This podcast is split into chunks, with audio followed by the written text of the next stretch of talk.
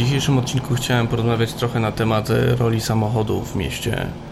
Punktem wyjścia do dzisiejszych rozważań będą dwa artykuły opublikowane ostatnio w Gazecie Wyborczej, e, czyli tekst e, redaktora Edyty Bryły pod tytułem Kierowcom trzeba sięgnąć do kieszeni, bo inaczej nie przesiądą się do autobusu i niejako odpowiedź na ten tekst Wojciecha Maziarskiego pod tytułem To idzie młodość i chce uszczęśliwić starość, zabierając jej samochody. Dzisiejszy odcinek nie będzie tylko polemiką z tymi tekstami, ale będę starał się zasadniczo powiedzieć parę słów o tym, jaka jest rola samochodu w mieście, z czym jest problem z samochodami w mieście i na czym polega problem z tą zrównoważoną mobilnością, bo raczej o tym powinniśmy mówić, a nie o tym, czy samochodów zabraniać, czy nie zabraniać. Węzeł przysiadkowy, Bartosz Jakubowski, zapraszam.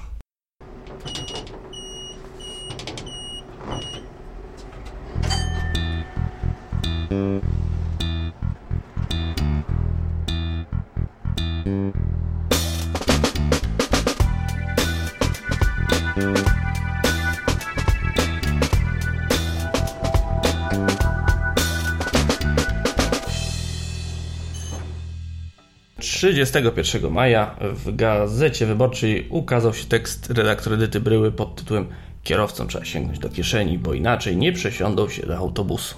No już sam tytuł otwiera dyskusję dość mocno. Pierwszy akapit wyjaśnia nam o co chodzi, ponieważ jest to bądź co bądź relacja z Kongresu e, Izby Gospodarczej Komunikacji Miejskiej no jest to raczej dość oczywiste, że jeżeli mamy kongres y, Izby Gospodarczej Komunikacji Miejskiej, to na kongresie Izby Gospodarczej Komunikacji Miejskiej rozmawia się o tym, co zrobić, żeby zdobyć więcej klientów. Tak samo jak na kongresie Izby Gospodarczej Producentów Mięsa Wieprzowego rozmawia się o tym, co zrobić, żeby ludzie jedli więcej kotletów schabowych. Więc jest to dość oczywiste, że na kongresie Izby Gospodarczej Komunikacji Miejskiej rozmawia się o tym, co zrobić, żeby więcej ludzi wsiadało do autobusów. Y, zarówno polepszając jakość usług, no jak i poprawiając sobie za pomocą różnych innych zabiegów y, sytuację na rynku. Jak promować wśród mieszkańców komunikację miejską, jak ich przekonać, by przesiedli się do nich z samochodów. Dyskutowali o tym we wtorek uczestnicy Kongresu Izby Gospodarczej Komunikacji Miejskiej. Nie znaleźli odpowiedzi, bo jeśli chcielibyśmy zmienić zwyczaje transportowe mieszkańców, to namawianie ich do tego promując transport zbiorowy jest jedną z najtrudniejszych dróg, o ile w ogóle możliwe. Po pierwsze, E, jeżeli spojrzymy na to, ile duże korporacje wydają na reklamę, na promocję, na marketing, na lobbying i porównamy to z wydatkami organizatorów i operatorów publicznego transportu zbiorowego, to są to niebo a ziemia. Stawiam tezę, że gdyby na promocję transportu zbiorowego wydawano w stosunku do przychodów y, tyle, ile wydają koncerny farmaceutyczne na promocję suplementów diety, to dziś każdy chodziłby z biletem miesięcznym na wierzchu, nosząc go niemalże jak broszkę i pokazując, że zobaczcie, ja też jeszcze komunikacją miejską. Przejdźmy dalej. Co musiałby usłyszeć mieszkaniec na autobusie, żeby pojechać nim zamiast autem? To trudne nawet w miastach, gdzie transport publiczny działa dobrze, jak w Warszawie przeładowanej samochodami. W Warszawie transport nie działa dobrze. Jest, Warszawa wydaje na transport publiczny najwięcej w kraju, prawie 3 miliardy złotych transportu publicznego w Warszawie jest dużo, ale można by wydać te pieniądze dużo lepiej. I trochę jednak racji mają ludzie, którzy mówią, że transport publiczny w Warszawie nie działa dobrze, no, bo ma dużo wad. Mógłby działać dużo lepiej. No i pytanie, czemu musiałby mieszkańcy usłyszeć autobusie? No, to nie jest kwestia tego, co mieszkaniec musiałby usłyszeć. To jest kwestia tego, co mieszkaniec musiałby doświadczyć na własnej skórze, żeby skorzystać z tego autobusu. To jest mowa o polityce, a nie o propagandzie. Liczą się czyny, a nie słowa. Piękna, no to cytat z jednego z plakatów wyborczych. Przejdźmy dalej. Z komunikacji miejskiej korzysta ponad połowa mieszkańców, czyli relatywnie dużo, ale ta liczba spada. Tak samo jest we Wrocławiu. Co więc zrobić? Wprowadzić opłaty dla kierowców. To zadanie dla urzędników w samorządach. Ale za co opłaty dla kierowców? No, czytając taki tekst w tym miejscu, nawet ja się muszę zbuntować, mimo że nie jeżdżę samochodem, promuję zrównoważony transport. Y, no, no nie, no, no nie można tak stawiać sprawy. Sięganie do kieszeni. To jedyna droga, jeśli chcemy na ulicach mniej samochodów, a więcej pasażerów w autobusach i tramwajach. Mieszkańców nie da się bowiem przekonać do zmian przyzwyczajeń transportowych po dobroci. To był dźwięk opadających rąk jeżeli ktokolwiek ma dokonać jakiejś zmiany swoich zachowań, to musi y, zrobić to sam z własnej woli. Zmuszanie, wymuszanie czy jakiekolwiek działanie siłą na człowieka jest przeciwskuteczne. Tak, mieszkańców trzeba przekonać do korzystania z transportu publicznego po dobroci. On musi po prostu być dobry. Z polityki transportowej miasta musi wynikać to, że korzyść, z korzyścią dla każdego człowieka jest korzystanie z transportu publicznego lub z rowerów, lub po prostu chodzenie pieszo. Tak, każdy, jeżeli każdy człowiek, który ma dokonać tej korzystnej zmiany, musi poczuć, że ona jest dla niego dobra. Dlatego, że on tak uznał, a nie dlatego, że ktoś na nim to wymusił. Nawet jeżeli polityka na nim to wymusza, to musi być to zrobione w taki sposób, żeby on to odebrał jako korzyść dla siebie, że odbywa się dla niego z korzyścią, a nie z przymusu, bo inaczej kończy się jak z komunikacją publiczną, którą mieliśmy w czasach PRL-u, a później wybuchł nam samochodowy boom, dlatego że jak ładnie zaśpiewał y, Paweł Kukis. I moje pokolenie, które właśnie kosi hajs Za lata niebytu w komunie pierdolonej Teraz przyszła nasza pora, pokolenie podkurwione Ofensywa, tak to bywa i tak to się nazywa Tyle była pisze o błędach samorządów, które budują czteropasmowe autostrady wzdłuż y, linii tramwajowych i to jest oczywiście słuszne. Natomiast potem znowu niestety wpadamy no trochę w demagogię.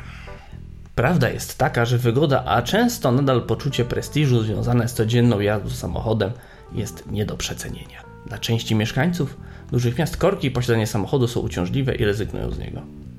Ale dla wielu innych są całkowicie akceptowalne. Mało kto chce się przesiąść z tak praktycznych powodów jak omijanie korków czy oszczędności czasu i pieniędzy, a co dopiero dla idei, jak ochrona środowiska. Jeżeli wygodniej jest jechać samochodem niż komunikacją miejską, to znaczy, że polityka mobilności w mieście bardzo zawiodła. To znaczy, że coś jest bardzo nie tak. Dla części mieszkańców dużych miast korki posiadania samochodu są uciążliwe i rezygnują z niego. Mało kto chce się przesiąść z tak praktycznych powodów jak omijanie korków czy oszczędności czasu i pieniędzy. Myślę, że większość ludzi, którzy korzystają z transportu publicznego, przesiadają się do niego, ponieważ jest to tańsze i szybsze. E, a co dopiero dla idei jak ochrona środowiska to też jest element, na którym warto pracować właśnie promocyjnie, żeby modne było przyznawanie się do tego, że oszczędzam środowisko. Czytamy dalej. Antypromocja dla komunikacji miejskiej to też darmowe albo tanie parkingi, którymi miasta nas kompletnie rozpuściły. Przez to place i chodniki to samochodowe dżungle. Zaraz, to parkingi czy chodniki? No niestety w Polsce to już się stało synonimem, ale idźmy dalej. A mieszkańcy, mimo że też nie mają już gdzie parkować, bronią się przed prowadzaniem nawet niewielkich opłat. To akurat czysta prawda. Niestety puenta tekstu jest trochę straszna. Prawdziwie skuteczna promocja dla komunikacji miejskiej musiałaby więc dotyczyć kierowców. To ich należy przekonać, że muszą zrezygnować z części wygód dla dobra ich i ogółu. Nie, nie, trzy razy nie. Decyzja o wyborze środka transportu z punktu widzenia pojedynczego człowieka zazwyczaj jest optymalna. Jeżeli ktoś nie jest do czegoś przymuszony, to wybiera decyzję dla siebie optymalną, dla siebie najwygodniejszą, dla siebie najlepszą. Dlatego decyzja wielu ludzi o wyborze samochodu jako podstawowego środka transportu jest dla nich optymalna. Oni w swoim rozumem oceniają, że ta decyzja jest dla nich dobra. Być może najlepsza, być może nie wiedzą, jaka jest alternatywa, być może jej nie znają, być może jej nie poznali, ale dla nich, subiektywnie dla nich, jest to najlepsze rozwiązanie, nawet jeżeli obiektywnie dla nich i dla ogółu nie jest to rozwiązanie najlepsze. Niemniej, to znowu jest kwestia tego, żeby ten, ta alternatywa była i była na tyle korzystna, że jeżeli ktoś się z nią zapozna, to żeby przy niej pozostał, a nie dalej jeździł samochodem. Więc nie trzeba przekonywać kierowców, że muszą zrezygnować z części wygód. Nie, to polityka transportowa miasta musi im pokazać, i musi być tak realizowana, żeby ta alternatywa dla samochodu była wygodniejsza niż ten samochód. Dla dobra ich i ogółu. Nikt nie kieruje się ogółem przy swoich decyzjach osobistych. Nie, jesteśmy egoistami. Jeżeli polityka transportowa nie będzie premiować dla indywidualnego człowieka wyboru dobrego dla ogółu, czyli transportu publicznego, rowerów, yy, innych rodzajów mobilności, które są dobre dla ogółu, to nikt nie będzie cierpiał za miliony że muszą płacić za wjazd do centrum miast i parkingi, pogodzić się z węższą drogą i mniejszą liczbą pasów, żeby ustąpić autobusom i rowerzystom. W kwestii opłat za wjazd do centrów miast i opłatach za parkingi nie leży kwestia tego, żeby kierowców opodatkować, obłożyć. Chodzi po prostu o to, żeby kierowcy ponosili koszty utrzymania infrastruktury, która jest tylko dla nich, której nie zużywa trzylatka jadąca na hulajnodze i 80-latek, który idzie o lasce. Oni nie będą korzystać z szerokich asfaltowych dróg i z parkingów. Im jest potrzebny wygodny, równy chodnik, bezpieczna infrastruktura piesza, a nie wielka, szeroka droga i wielki parking. I nigdy za nią nie zapłacą i nie powinni za nią nigdy zapłacić. Ale obecnie jest tak, że oni za nią płacą, a kierowcy za to nie płacą. I na tym polega problem opłat w miastach. Nie o to chodzi, żeby łopić kierowców. Że opłaty za wjazd do miast mogą być na przykład przeznaczone na nowe autobusy itd. itp. Nie. Opłaty za wjazd do miasta są przeznaczone na to, żeby w jakikolwiek sposób zasypać dziurę budżetową z tego, że miasto utrzymuje infrastrukturę dla kierowców. Przyjezdnych kierowców, którzy w dodatku nie płacą podatków w tym mieście. Tylko, że takiej polityki dla transportu zbiorowego w samorządach nie ma. I to jest prawdziwe zdanie, które kończy ten tekst. I zasadniczo ja się z niego tezami zupełnie zgadzam. Tylko, że argumentacja niestety wymaga poprawy.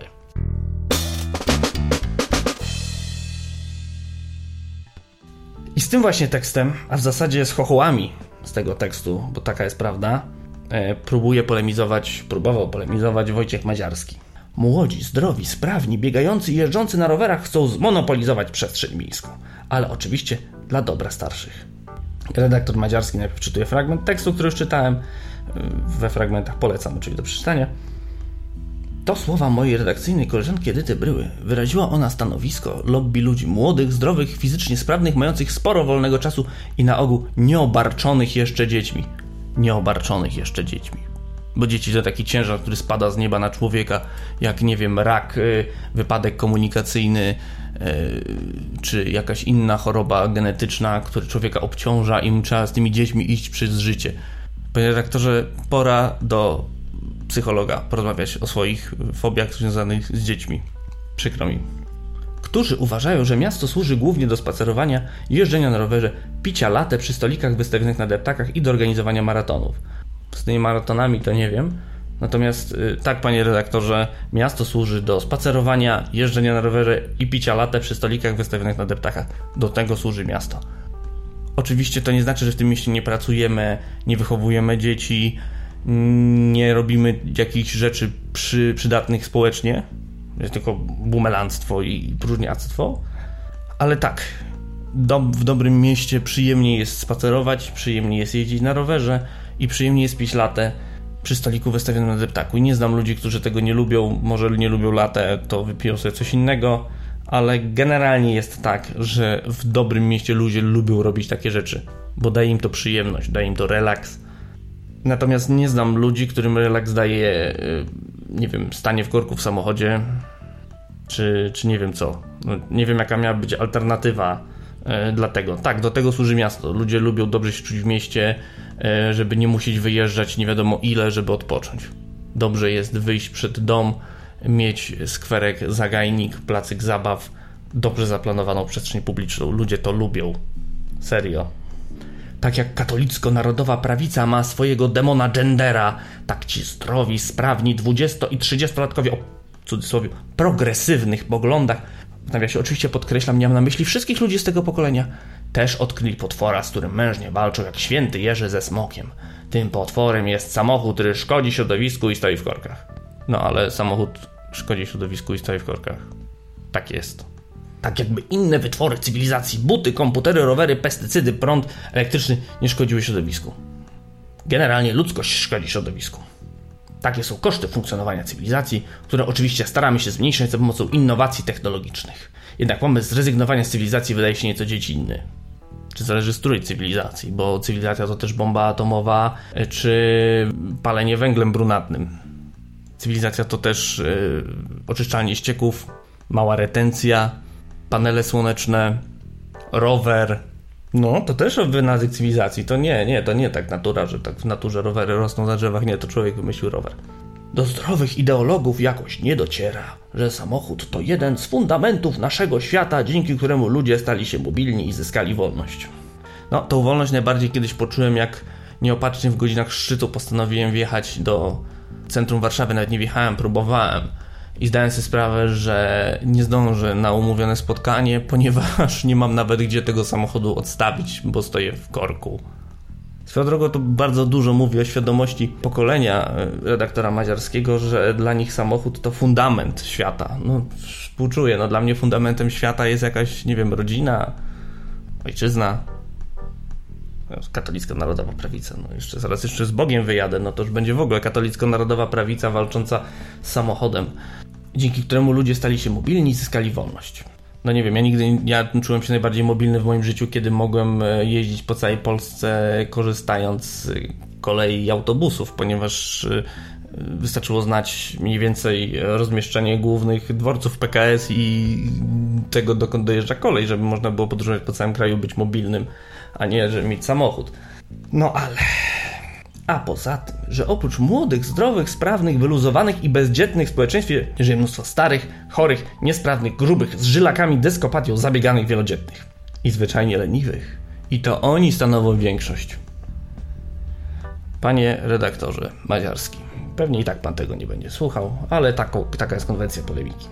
Tak, oprócz młodych żyje mnóstwo starych, chorych, niesprawnych, grubych, z żylakami, dyskopatią. Pozdrawiam serdecznie też, mam zabieganych bywam wielodzietnych. No na razie dwójka, ale nie uprzedzajmy faktów.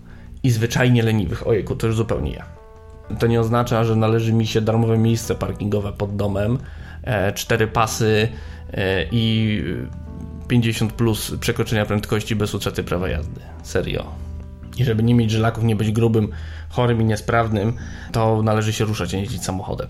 A to, że się ma kilkoro dzieci, to nie jest argument pod tytułem, że muszę jeździć samochodem. No, no nie. Jakoś przez dziesiątki lat e, mieliśmy w Polsce e, no, nawet więcej dzieci niż obecnie, a samochodów było znacznie mniej. I mam nawet takie dziwne przekonanie, że mamy ujemną korelację pomiędzy liczbą samochodów a liczbą dzieci. Jakoś tak chyba zaczęliśmy utrzymywać samochody, a nie dzieci. Teraz młodzi, sprawni, z dość często w tym wieku arogancją postanowili, że będą starych, niesprawnych uszczęśliwiać i pozbawiać części wygód poprzez przymus administracyjny dla dobra ich własnego i ogółu. Nikt nikomu nie chce zabierać samochodu siłą, ale to jest cały czas dyskusja właśnie o samochodzie w mieście. Jeżeli nie musisz jeździć samochodem, to nim nie jeździ. Masz alternatywę, nie jedną. Że będą im urządzać miasto według swoich ideologicznych wyobrażeń w myśl hasła, które jedna z organizacji przebrała nawet jako nazwę Miasto jest nasze ideologicznych wyobrażeń. Halo, równoważenie transportu to nie jest ideologia, to jest matematyka. To jest inżynieria ruchu. Samochód jest skrajnie nieefektywnym narzędziem transportu w mieście, w rzadko zurbanizowanych obszarach. O dużym rozproszeniu zabudowy, owszem, sprawdza się, ale w mieście jest najbardziej nieefektywnym środkiem transportu, jaki możemy sobie wyobrazić, ponieważ pochłania dużo przestrzeni, wymaga dużo infrastruktury, a ma żenującą zdolność przewozową. Nie oszukujmy się. Nie, kochani. Miasto nie jest wasze. Miasto jest wspólne. I musicie się pogodzić z tym, że, starsi, że ci starsi też mają wpływ na jego kształt, często decydujący. To się nazywa gerontokracja. Zresztą sami to docenicie, gdy dorośniecie, staniecie się grubi, niesprawni, nabawicie się żelaków, dyskopatii dzieci, a może i wnuk. Dzieci jako choroba po raz trzeci. Gratuluję, panie redaktorze, do psychologa. Do psychologa, jak to mówił mój ksiądz proboszcz. Mam nadzieję, że nie stanę się gruby i niesprawny, a jeżeli będę niesprawny, to naprawdę samochód nie będzie mi najbardziej potrzebną rzeczą. To wtedy najbardziej potrzebną rzeczą będzie mi to, że miał windę, żebym miał równy chodnik, że miał ławki, na których będę mógł często przysiąść, kiedy się zmęczę.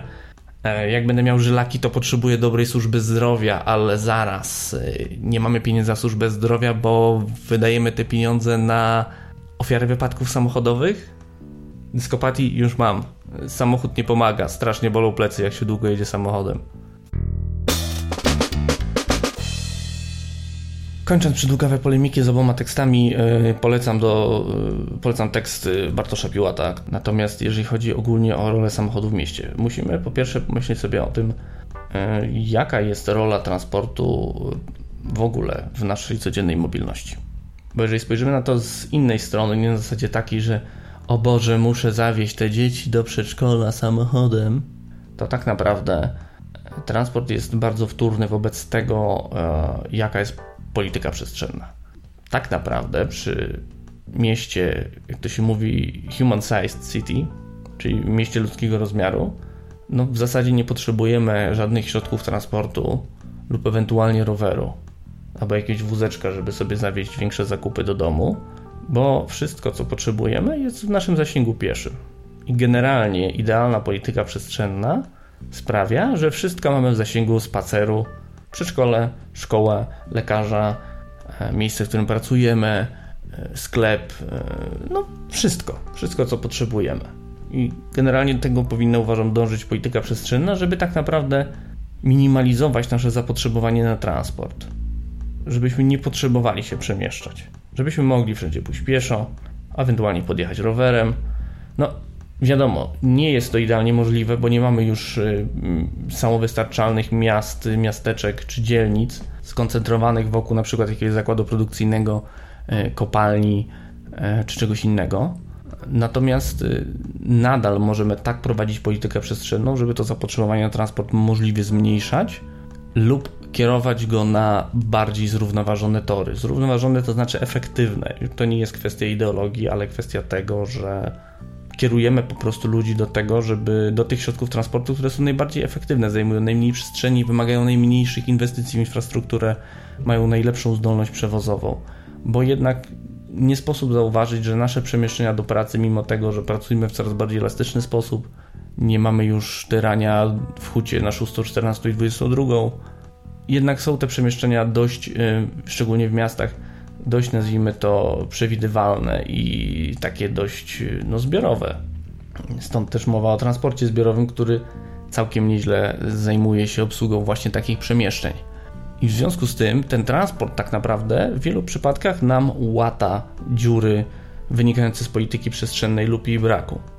No bo jeżeli spojrzymy na to, że ktoś mówi, że no muszę jeździć samochodem, bo mam do zawiezienia dzieci na drugim końcu miasta, no nie, to nie jest problem polityki transportowej, to jest problem polityki społecznej, polityki zagospodarowania przestrzennego, że to przedszkole nie jest w pobliżu Twojego miejsca zamieszkania. I teraz, kiedy mowa jest o wprowadzaniu jakichś opłat za korzystanie z infrastruktury tylko dla kierowców, tylko dla samochodów, to z czego ona wynika?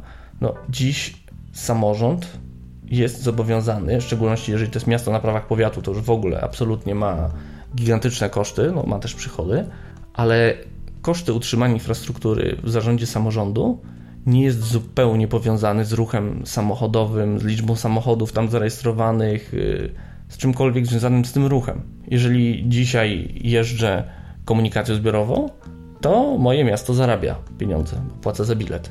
Natomiast jeżeli przesiadłem się na samochód, no to moje miasto nie zarabiałoby z tego powodu więcej pieniędzy. Nie, do, nie wpływy do budżetu w ogóle nie są powiązane z tym, e, czym ja jeżdżę. No, jeżeli oczywiście jeżdżę komunikacją zbiorową, no to wpłacam pieniądze do budżetu miasta, bo kupuję bilety. Natomiast jeżeli jeżdżę samochodem, no to wszystkie podatki tak naprawdę, które są, które są w tym momencie nałożone na ruch samochodowy, a są one w Polsce no, naprawdę znikome i musimy mieć tego pełną świadomość, że, że jesteśmy w czołówce państw Unii Europejskiej, gdzie one są najniższe. To te podatki w ogóle nie trafiają do budżetu samorządu.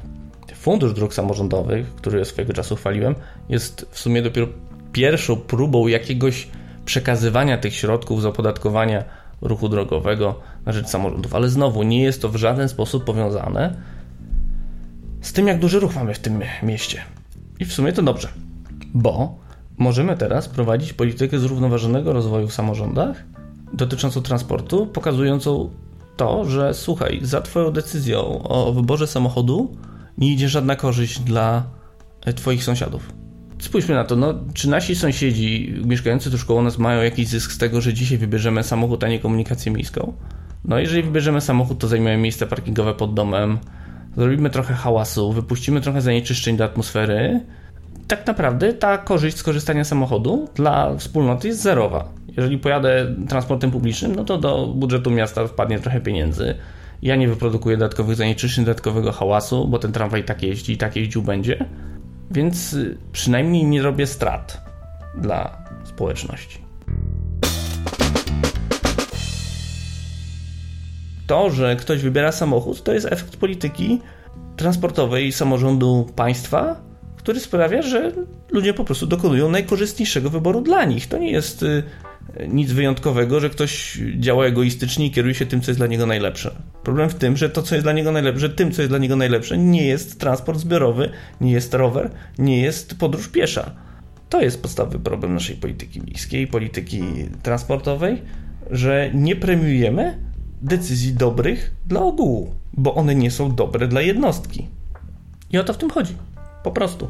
A druga rzecz to kwestia sprawiedliwego podziału obciążeń wynikających z tego, że mamy infrastrukturę transportową i y, musimy jakoś podzielić koszty funkcjonowania tej infrastruktury pomiędzy jej użytkowników. Więc z jednej strony ta infrastruktura jest narzędziem polityki, ale narzędziem polityki jest też y, odpłatność za tę infrastrukturę.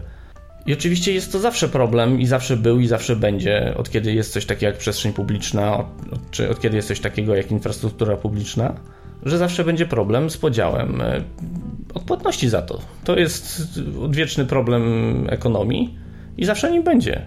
Pytanie tylko, czy sytuacja, w której obecnie kierowcy ponoszą znikomy procent kosztów za korzystanie z infrastruktury drogowej, no jest sprawiedliwym podziałem, bo nie chodzi o to, że ten podział e, odpłatności za infrastrukturę był równy albo idealnie odpowiadał temu, jak z tego kto korzysta, bo to jest niemożliwe. Ważne, żeby on był sprawiedliwy.